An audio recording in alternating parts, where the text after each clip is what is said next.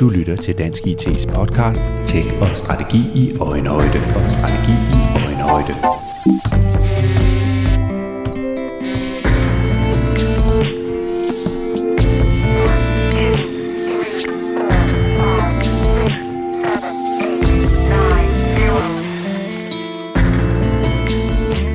En af de store udfordringer, når vi taler digitalisering og ikke mindst digital transformation, er at sikre, at kulturen, mindsetet og adfærden i virksomheden følger med de digitale ambitioner, man har.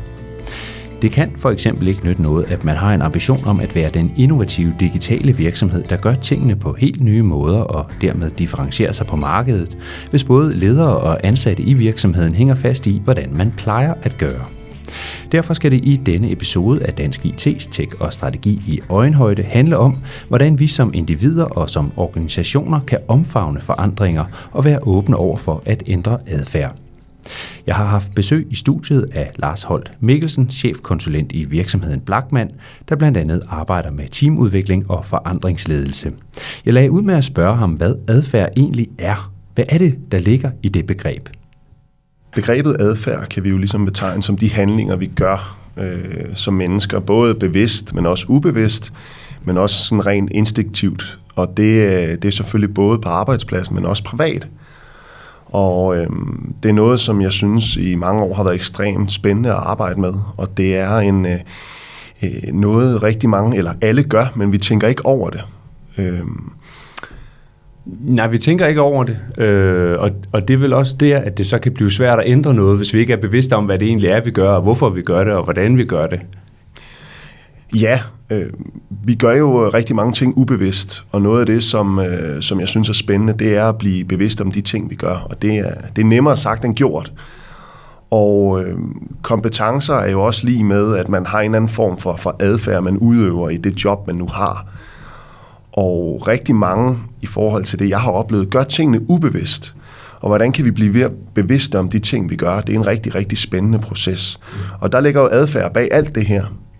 Både de, de positive ting, men også måske de, de mindre positive ting, øh, som, som jo også har adfærd bag sig. Og Lars Holt Mikkelsen, tak fordi du er kommet her ind i, øh, i podcaststudiet hos øh, Dansk IT til en snak omkring øh, adfærd. Øh, og inden vi rigtig kaster os ud i det, så lad mig lige høre dig. Hvor har du egentlig selv din viden omkring adfærd fra? Jamen, øh, tak fordi jeg måtte komme. Og øh, jamen, min viden omkring adfærd kommer ikke fra, fra, fra en lang studietid og, og tykke bøger på nogen måde. Tværtimod. Jeg har, jeg har arbejdet med det her praktisk gennem hele mit... Øh, øh, i, i min erhvervskarriere, hvor jeg har arbejdet med, med mennesker. Jeg har arbejdet i retail, det vil sige, jeg har både arbejdet med egne personale, men jeg har også haft rigtig meget med, med mennesker at gøre udad til. Og den vej igennem har jeg draget mig en masse erfaringer og har skulle arbejde med adfærd. Og lad mig bare sige det med det samme. Jeg har selvfølgelig lykkedes på rigtig mange parametre, men jeg har også øh, endnu oftere ikke lykkes med at vil ændre adfærd. Og jeg tror, at den proces er rigtig vigtig at finde ud af også at sige, jamen, men når man ikke lykkedes at kigge tilbage på det og lære den proces. Så det har været en meget praktisk tilgang gennem de sidste 13-14 år nu, hvor jeg har arbejdet med det. Ja, og man kan jo sige, hvis man skal skære lidt til benet, virkeligheden er praktisk, den er ikke øh, teoretisk, i hvert fald ikke, når, når det kommer til stykket. Så på den måde giver det jo god mening at, at have den tilgang til det. Jeg er lidt nysgerrig på, hvordan skabes der eller udvikles der en bestemt form for adværd adfærd øh, hos mig som individ, men også i det team og den organisation, jeg er en del af. Hvordan bliver det skabt? Man kan sige, at i alle teams og alle organisationer er der jo en eller anden form for adfærd. Øh, og den er der jo i forvejen, og den er der jo hele tiden. Og, og tit ønsker man at skabe en bestemt type adfærd, der understøtter et eller andet, virksomheden ønsker. Og det, det er typisk i den proces, at vi kommer til at, til at arbejde med, med, med adfærd, og, øh, og man har øh, nogle udfordringer, man, man sætter fokus på, og kommer til at, at arbejde det den vej igennem. Adfærd er der fokus på rigtig mange steder, øh, og som jeg sagde tidligere, nogle steder mere bevidst end andre. Og i den forbindelse er der nogle øh, adfærdsændringer, der selvfølgelig understøtter strategiske mål og planer. Og det er, det er en enormt vigtig proces at have styr på, hvis man i sidste ende ønsker at skabe den adfærd, man, man vil have. Mm der er jo ikke nogen tvivl om, at både som, som, som øh, individer og som team, der er vi jo tit ude i det her med, at vi må nok hellere ændre adfærd her. Det kan godt være, at vi ikke bruger de ord, men, men vi, så vil vi i hvert fald have nogle intentioner om at ønske at gøre tingene på en anden måde, eller agere på en anden måde, have et andet mindset. Og så alligevel, så støder man på den her usynlige mur eller barriere, der gør, at det faktisk er ret svært at ændre de ting, måden man gør dem på, måden man siger tingene på, hele mindsetet. Hvad skyldes det? Hvorfor er det så svært? Jamen det, er der, det er der flere årsager til. En af de øh, hyppigste årsager, det er, det er vaner. Det er vaner i, i forhold til, hvad har man været vant til at gøre. Og som jeg plejer at sige, vaner er ikke dårlige, men de kan nogle gange være en hindring i forhold til at gøre ting anderledes, eller på en mere optimal måde. Og vaner hænger også ofte sammen med arsenitet i forhold til, at man har været der længere tid. Og derfor er der også ofte en rød tråd med, at for folk, der har været lang tid i samme branche, eller lang tid på arbejdsmarkedet, kan nogle adfærdsændringer være vanskeligere. Mm. Den anden ting kan være øh, i form af, at man ikke får som organisation for understøttet de her adfærdsændringer med det strategiske arbejde, simpelthen forklaret godt nok, hvorfor er det, vi gør, som vi gør. Mm. Den del er ekstremt vigtig. Mm. Fordi der ligger en stor portion motivationserfaring i det for medarbejderne, i at få et indblik i, hvorfor gør vi, som vi gør, og, og hvad giver det mig? Mm. Og det er jo ikke altid, at de her ændringer i, i, i organisationer i forhold til at understøtte den strategiske rejse altid giver mening sådan åbenlyst for medarbejderne. Det kan jo være, at der er ting, de skal begynde at gøre anderledes, som måske er mere besværlige, men på den lange bane understøtter det rejsen, og derfor er det ekstremt vigtigt at forklare baggrunden for, hvorfor vi gør, som vi gør. Hvis jeg skulle tolke lidt på det, du står og siger der, så, så handler det i virkeligheden om, at der godt kan være noget, der strategisk set giver mening for ledelsen i virksomheden, men hvor øh, den mening, øh, den logik ikke nødvendigvis øh, også øh, findes ude hos øh, den menige medarbejder på gulvet i, øh, ja, i Jamen, billedlig forstand.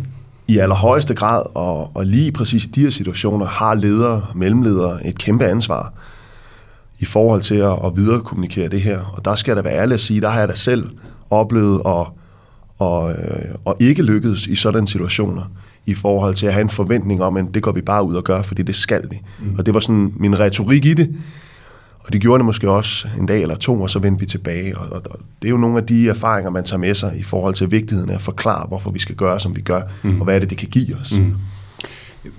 Prøv lige at lade os dykke lidt ned i det. Altså man, man kan som leder her have en, øh, ja, ja, have, øh, møde en mandag morgen og have, have lagt en plan hen over weekenden, der siger, nu skal vi simpelthen have, have, begynde at gøre de her ting på en anden måde. Ikke? Og så går man ud og, og, og siger det til medarbejderne, og så som du beskriver her, jamen, så kan det godt være, at de på dagen, og måske også dagen efter, rent faktisk ændrer deres adfærd, for så bare at vende tilbage til det, vi plejede at gøre. Øh, så, så hvad skal man så gøre i stedet, hvis man gerne vil have det til at blive en vedblivende øh, adfærdsændring? En af de parametre, jeg har fundet ud af er ekstremt vigtige, det er selvfølgelig, når man søsætter noget nyt og skal gøre noget anderledes, så er det rigtig vigtigt at snakke ind til, til hvorfor vi selvfølgelig gør, som vi gør, men også øh, finde ud af motivationen bag. Og motivationen bag for den enkelte kan også være forskellig, og det kan man sagtens gøre i, i plenum, om man vil, men man kan selvfølgelig også gøre det one-to-one. Men hvad skulle motivationsfaktoren være for den enkelte eller for teamet ved at gøre noget anderledes? Og, og motivation er jo mange ting. Nogle steder, så er det jo rigtig meget med, med udvikling at gøre. Det kunne være, at man dygtiggør sig enten som team eller som individ. Og den del har jeg øh, lært af erfaring er rigtig god at få med ind, fordi det er de færreste, der ikke ønsker at udvikle sig selv i det job, de er til fremtiden, enten samme sted eller et andet sted. Men der er rigtig mange, desværre jeg oplever, der rigtig meget taler ind til, til lidt mere kortsigtede øh, motivationsfaktorer, såsom øh, incitamentstruktur, altså provision, penge, kroner og øre. Mm. Og det kan sagtens ændre adfærd på den korte bane, men ikke på den lange bane. Øh, fordi det bliver bare nogle quick fixes, som, øh, som hurtigt går over, som du også selv nævner, så er vi tilbage igen, hvor vi, hvor vi startede kort tid efter. Mm. Så den del at snakke ind til motivation, inspirere og motivere den vej ind til den, til den enkelte i forhold til deres egen rejse. Nogle motiveres jo også i forhold til at understøtte virksomhedens mål. Nogle motiveres også at hjælpe teamet.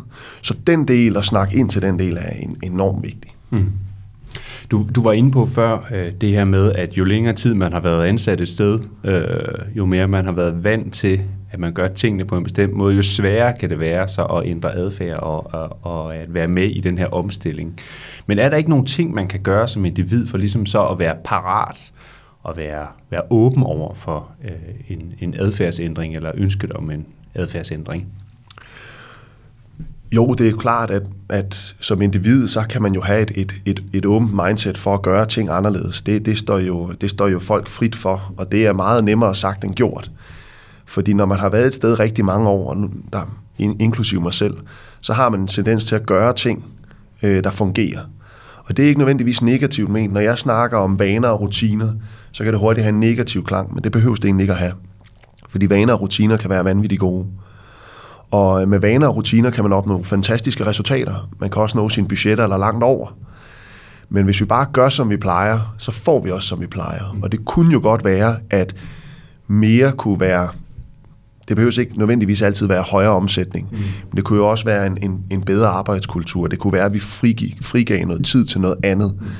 Og den del er enormt vigtig. Men, men det her med at arbejde med tanker og holdninger, inden vi arbejder med eksempelvis værktøjer, hvis vi gerne vil ændre noget. Så det her med tanker og holdninger og mindset er vigtigere at, at, at arbejde med inden. Mm. Så, så selvfølgelig, Kim, kan man godt snakke om, at hvis, hvis den enkelte har, har et åbent mindset for, for, for, for nye input og lignende, så gør det måske tingene nemmere. Men mm. det er ikke altid, det er nemmere sagt end gjort. Mm. Fordi man har nogle barriere, fordi vi står altså med ting, der fungerer her. Så hvorfor skulle vi gøre det så meget anderledes? I enhver øh, organisation, hånden på hjertet, vil der jo findes nogle Rasmus modsatter. Øh, og, øh, og jeg tænker, hvis den øh, person eller de personer, der måske ikke rigtig er villige til eller er åbne over for at ændre adfærd, de rent faktisk har deres på, på det rene i forhold til, at de måske lever op til de mål, der er sat, og de er over budget, og jeg, jeg skal komme efter dig. Hvad kan man så gøre for alligevel at motivere dem til at, at være med i en øh, forandringsproces? Det, det er et rigtig godt spørgsmål, og det er, det er, det er godt fordi, at, at det oplever, opleves der jo rigtig mange steder derude, og det er der jo egentlig ikke noget galt i. Det, der er rigtig vigtigt, det er at, at være opmærksom på det her, og bruge tid på vedkommende, hvis det, eller hvis det er flere. Men her er det exceptionelt vigtigt at snakke ind til den her egen udvikling og motivation. Der findes altid nogle parametre, man kan slå, slå på i forhold til det her enkelte individ, mm. hvis han, hun kunne motivere sig noget der. Vi oplever ofte, at vedkommende får en rolle i forhold til et eller andet forløb, der kan være internt i teamet eller lignende.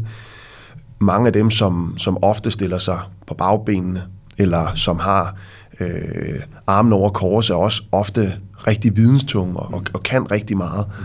På den måde får sat mit spil på en eller anden måde i forhold til teamet og organisationen, at det her med, at de, de tager ansvar og føler sig som en brik i, i, i det store puslespil, kan være med til at løfte det her. Men det er vigtigt, at man er opmærksom og tager snakken, øh, også uden for, for, for teamet øh, opmærksom, fordi bagsiden af medaljen ved det her, det kan ødelægge rigtig meget. Det kan ødelægge rigtig meget for alle de andre, Øh, Øhm, så det er vigtigt, at man er opmærksom på det her tidligt i processen og tager, tager sig af det.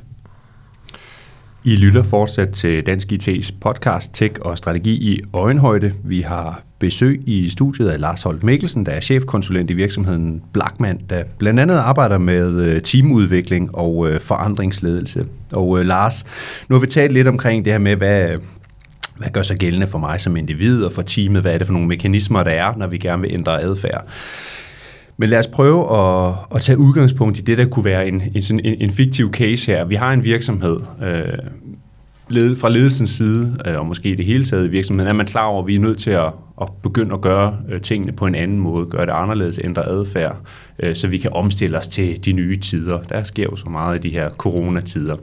Hvordan griber man så den opgave an? Altså sætter man sig ned og laver en strategi på skrift, eller tager man det op på et mandagsmøde, eller altså hvor starter man henne, hvis man gerne vil i gang med at ændre adfærd, både hos ledelsen og hos medarbejderne, virksomheden i det hele taget?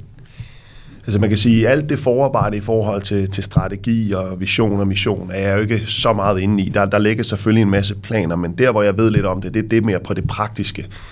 Og der hvor, øh, der, hvor man typisk starter, er selvfølgelig, at man får, man får, man får samlet folk og får, får fortalt dem, øh, den her rejse, som vi nu er på, og i den forbindelse vil der være nogle, øh, vil der være nogle ting, vi måske skal gøre anderledes. Og typisk derfra bliver det så taget i de mindre teams, og her er det ekstremt vigtigt, at, at lederen, øh, altså nærmeste leder, som er forankringsagent i hele den her proces, fordi det er en proces, der tager tid. Og hvor lang tid tager det, det kan jeg ikke svare på. Men jo dygtigere lederen er øh, til at formidle og gøre og følge op, øh, jo hurtigere øh, går det, og jo færre spørgsmål får man i processen.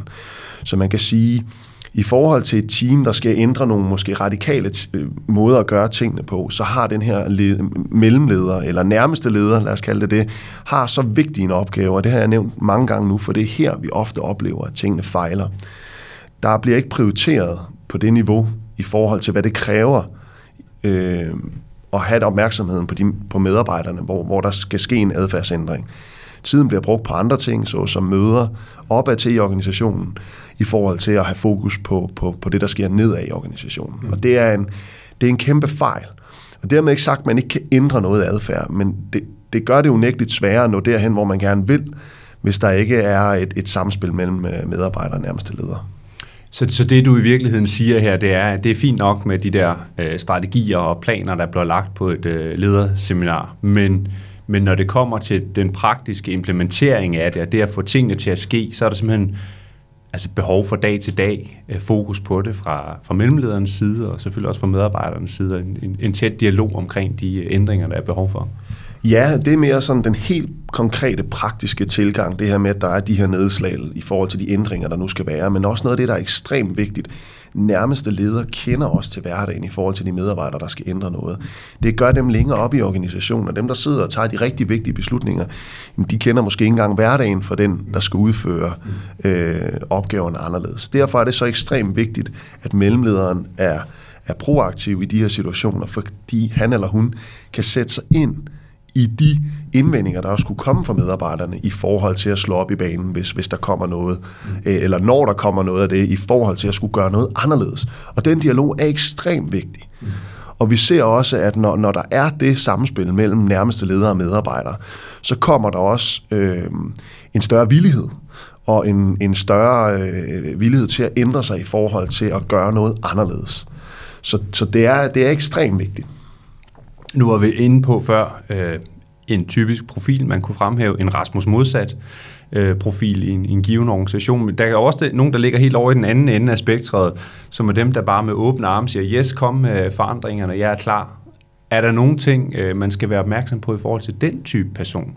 Jeg tænker, om det kan være sådan en, en, en, en falsk tryghed i virkeligheden, eller en, en, en falsk øh, åbenhed over for, for øh, at ændre adfærd det er klart, at, at der ligger selvfølgelig altid folk i den ene og anden ende af spektret om, og det, det eneste, jeg vil sige i forhold til det, det er, at det nogle gange kan måske gå lidt stærkt, altså for stærkt i forhold til, at vi overser nogle ting. Altså det her med, at vi gør tingene i for højt et tempo det er rigtig vigtigt at sige i den her proces, når vi har med teams at gøre, eller i større organisationer, at, at det at bruge samspillet mellem de her forskelligheder i teamet, så det ikke kun er lederen, der dikterer, men at man får brugt den her vidensdeling på tværs. Og når jeg snakker vidensdeling, så er det ikke kun viden omkring det arbejde, vi har, altså øh, selve håndværket. Nej, det er også omkring tanker og holdninger. Mm. Så at man bruger ham, mm. eller hende, du snakker om her, som er meget åben, i forhold til teamet, øh, i forhold til at åbne nogen op, fordi de, de kender om, om nogen hinanden. Mm. Nu sagde jeg godt nok før, at nærmeste ledere er tæt på dem, men medarbejdere og medarbejdere er endnu tættere på hinanden. Mm. Kan man få dem til at spille sammen, og nogle gange øh, motivere, inspirere, men også diskutere mm. øh, og, og dele erfaringer, så er, det, så er det verdensklasse. Så det her med at inddrage den type, du siger her, også i teamet, i forhold til at give en, en, en motivation, inspiration, det, det er et rigtig, rigtig godt træk. Min egen erfaring er, at nogle øh, mennesker jo kan være meget åbne omkring deres øh, bekymringer, der, deres nervøsitet over for det nye, det, det er anderledes, mens andre de går mere putter med det. Øh, og det, det skal man vel også som leder være i stand til at håndtere, ja, den forskellige artighed, der er i, i vi menneskers øh, måde at agere og tænke og handle på. Det er, det er ekstremt vigtigt, og det er også vigtigt at sige, at vi er jo forskellige som mennesker, og det gælder både medarbejdere, men det gælder også ledere. Det betyder også, at det eksempel, du giver her, kan sagtens være et, et, øh, et, et, et eksempel på, hvor der kommer en medarbejder og spørger en om noget, man slet ikke selv som leder har tænkt over, og snakker der selv af egne erfaringer her. Og i den forbindelse, i stedet for at tage det som noget negativt eller farligt, så brug det positivt, og selvfølgelig øh, få besvaret spørgsmålet med et svar, hvis, hvis muligt, men også bruge det i forhold til at sige, gud, der er noget, jeg ikke er opmærksom på her. Kunne det være, kunne det være at vi måske skulle melde det her ud til hele teamet? eller finde ud af, hvad svaret er her, hvis man ikke selv kan, og så få meldt det ud til hele teamet. Og så ved jeg godt, det er måske ikke alle i hele teamet, der synes, det er super interessant, men det var ikke lige kun ham eller hende, der spurgte der, men en 3-4 andre, der så giver ro på, der gør, at vi kan, kan komme videre. Mm. Så, så det korte svar er, at det er rigtig vigtigt at behandle alle de her ting. Øh, og vi er forskellige. Nogle stiller mange spørgsmål, nogle stiller få spørgsmål. Men fordi man stiller få spørgsmål, er det ikke ens betydning med, at man ikke ønsker svar. Lars Holt Mikkelsen, kan man som, øh, som virksomhed fremelske en kultur og et mindset, hvor, hvor man kan sige, hvor man per definition er forandringsparat og, og i stand til at ændre adfærd? Er det muligt at fremelske den form for kultur? Og i så fald, øh, hvordan gør man det? Man kan sagtens dyrke en kultur, som, som, som fremelsker øh, stor diversitet og åbenhed. Og det er, det er tilbage igen til, det, det, det er alle, der har en, en rolle i det her.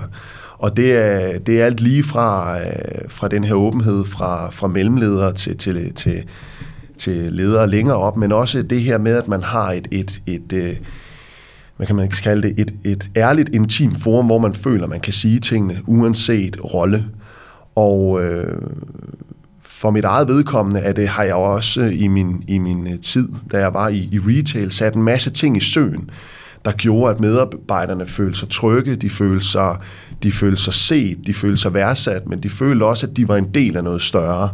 Og hvordan gør man det? Det kan man gøre på mange måder, men, men, men det med, at man ikke er bare en, en lille brik i et stort puslespil, er rigtig vigtigt at i tale sætte som, som leder. Og det med, at der kan ses en rød tråd for det, der bliver dikteret lidt længere oppefra og ned, at det måske giver mening ret ofte. Det er ikke altid, det giver mening, og det gør det ikke, fordi det, øh, vi kan lige så godt være ærlige. Men det er med at få forklaret, hvorfor vi gør, som vi gør, og nu gør vi det her. Og så er der andre gange, vi går i en anden retning. Altså det her med, at man er omstillingsparat, og man har lyst. Det, det er sagtens en kultur, man kan fremelske, og det, det, det er svært bare lige. Du kan ikke, der er ikke en opskrift på det. Sådan. Du har ikke den gyldne formel klar Nej, det har jeg ikke. Så, så, så vil jeg skrive en, eller få en til at skrive en bog om det. Ikke mig, men øh, ja. Mm. Nej, øh, der er mange ting, man kan gøre. Og øh, det er i hvert fald vigtigt, at, at det spil, der er mellem ledere og medarbejdere, at det er at det er godt, og det er åbent, og det er ærligt. Mm. Og der, der tænker jeg faktisk, at det kan være sådan en, en helt fundamental styrke, vi har i på det danske arbejdsmarked. Du siger, det spil, der er imellem ledere og medarbejdere. Vi er jo, kan man sige, kendetegnet ved, det er en relativt flad, øh, flat hierarki, hvis man kan sige det sådan. Øh, vi er ikke øh, så bange for at sige vores mening til chefen. De fleste er i hvert fald ikke. Kan det ikke være en fordel?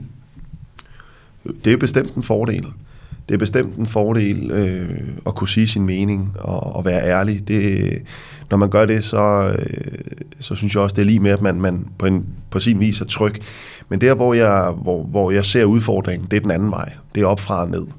Og det er der, der går nogle, nogle ting galt. Altså det er, fra, det er fra ledere ned efter, at der ikke bliver kommunikeret godt nok. Altså der bliver ikke forklaret godt nok. Vi er ikke tætte nok på vores medarbejdere. Øhm, vi, vi har ikke fingeren på pulsen i forhold til den enkelte. Hvad har de behov for? Og man kan sige, så kan man jo godt tænke derude, ja, men det kræver også meget, hvis man skal kende hver enkelt. Og det gør det rent faktisk ikke. Altså, det kræver noget tid. Man skal investere noget tid. Men den tid kan man sagtens investere smart. Og det kunne jo godt være, at man lavede ting i dag, som man kunne spare væk, eller som var underordnet i forhold til, til, til nogle ting, og den tid kunne man så bruge på, sin, på sine medarbejdere. Og der er også igen en rød tråd med dem, der bruger meget tid på sine medarbejdere. Der kan man i hvert fald se det på, på hele kulturen og den adfærd, der er på arbejdspladsen, som tit bunder ud i en masse andre ting i forhold til sygdom og fravær, arbejdsglæde, medarbejdertjøren, øhm, kontra der, hvor at, at nærmeste leder måske ikke har samme tæthed. Der er, der er en markant forskel. Vi er ved at være nået til vejs ende og skal runde af for denne episode, men øh, her på faldrebet, kan du, kan du give dit bedste råd til dem derude, der lytter med, øh, organisationerne, der ønsker at ændre adfærd, der ønsker at forandre noget? Hvad er det, de skal have fokus på primært? Kort sagt, så vil jeg sige, vær tættere på medarbejderne. Vær tættere på medarbejderne, lyt på medarbejderne og brug medarbejderne. Det er, det er nok mit bedste råd. Det bliver det sidste ord for denne episode. Lars Holm Mikkelsen, chefkonsulent i Blackman. Tak fordi du kom. Tak fordi du måtte komme.